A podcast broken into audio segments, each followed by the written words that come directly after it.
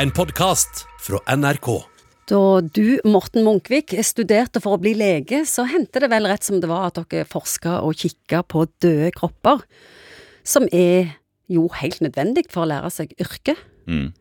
Både for studenter, helsepersonell og leger, og til forskning og trening. Hvordan opplevde du det den gangen?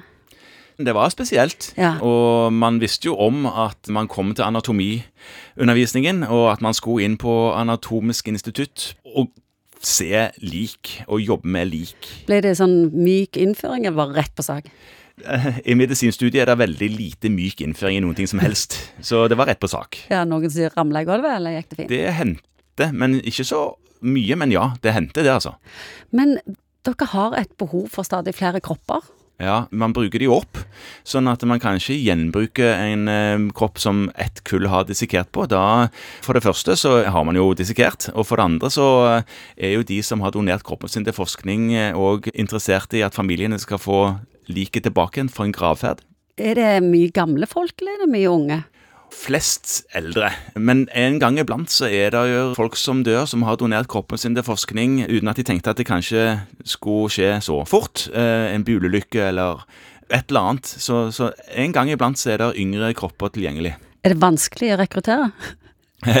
Ja, jeg tror det trengs. Det er ikke sånn at uh, man har overflod av det. Sånn at uh, dette er, noe man trenger, ja.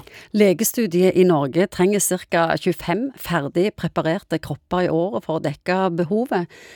Hva gjør en hvis en sitter nå og tenker kanskje jeg skal donere min?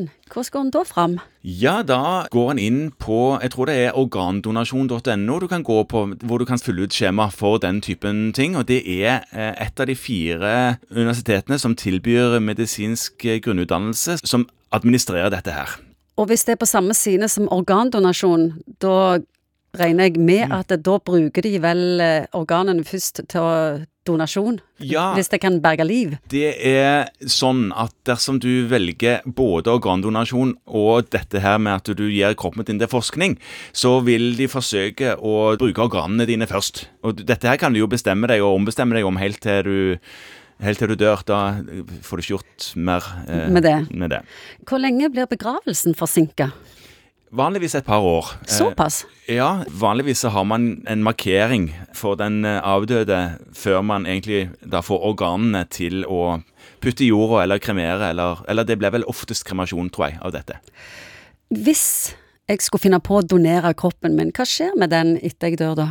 For det første så må du dø et, et lurt sted. Du må ikke dø for langt unna et universitetssykehus som kan eh, Ta vare på dette her legemet. For hvis det går for lang tid, hvis det går et par dager, så går det jo ikke.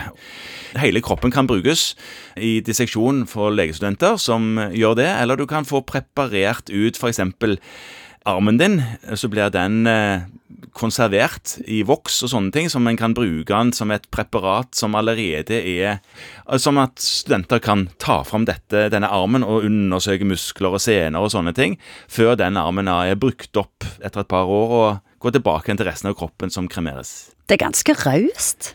Det er ganske raust, og det gjør noe med mm, hva en tenker at en sjøl på en måte er som, eh, som kropp. Eh, Forandra det deg? Ja, det var en enorm respekt man følte på når man eh, brukte andre sine kropper, andre sine slektninger sin kropp, til å lære sjøl, og, og man måtte minne seg sjøl på, etter hvert som en liksom ble plassert i denne anatomiske undervisningen, at hør nå her, dette her er en person som har levd, som har hatt sine tanker og følelser og innstillinger og sin familie, og nå får jeg lov å lære av dette mennesket. Det er, det er en ærbødig seanse. Fikk det deg til å tenke på din egen dødelighet? Hele yrket mitt får meg til å tenke på min egen dødelighet. Det svaret er ja. Svaret er egentlig ja. Du har hørt en podkast fra NRK. Hør flere podkaster og din NRK-kanal i appen NRK Radio.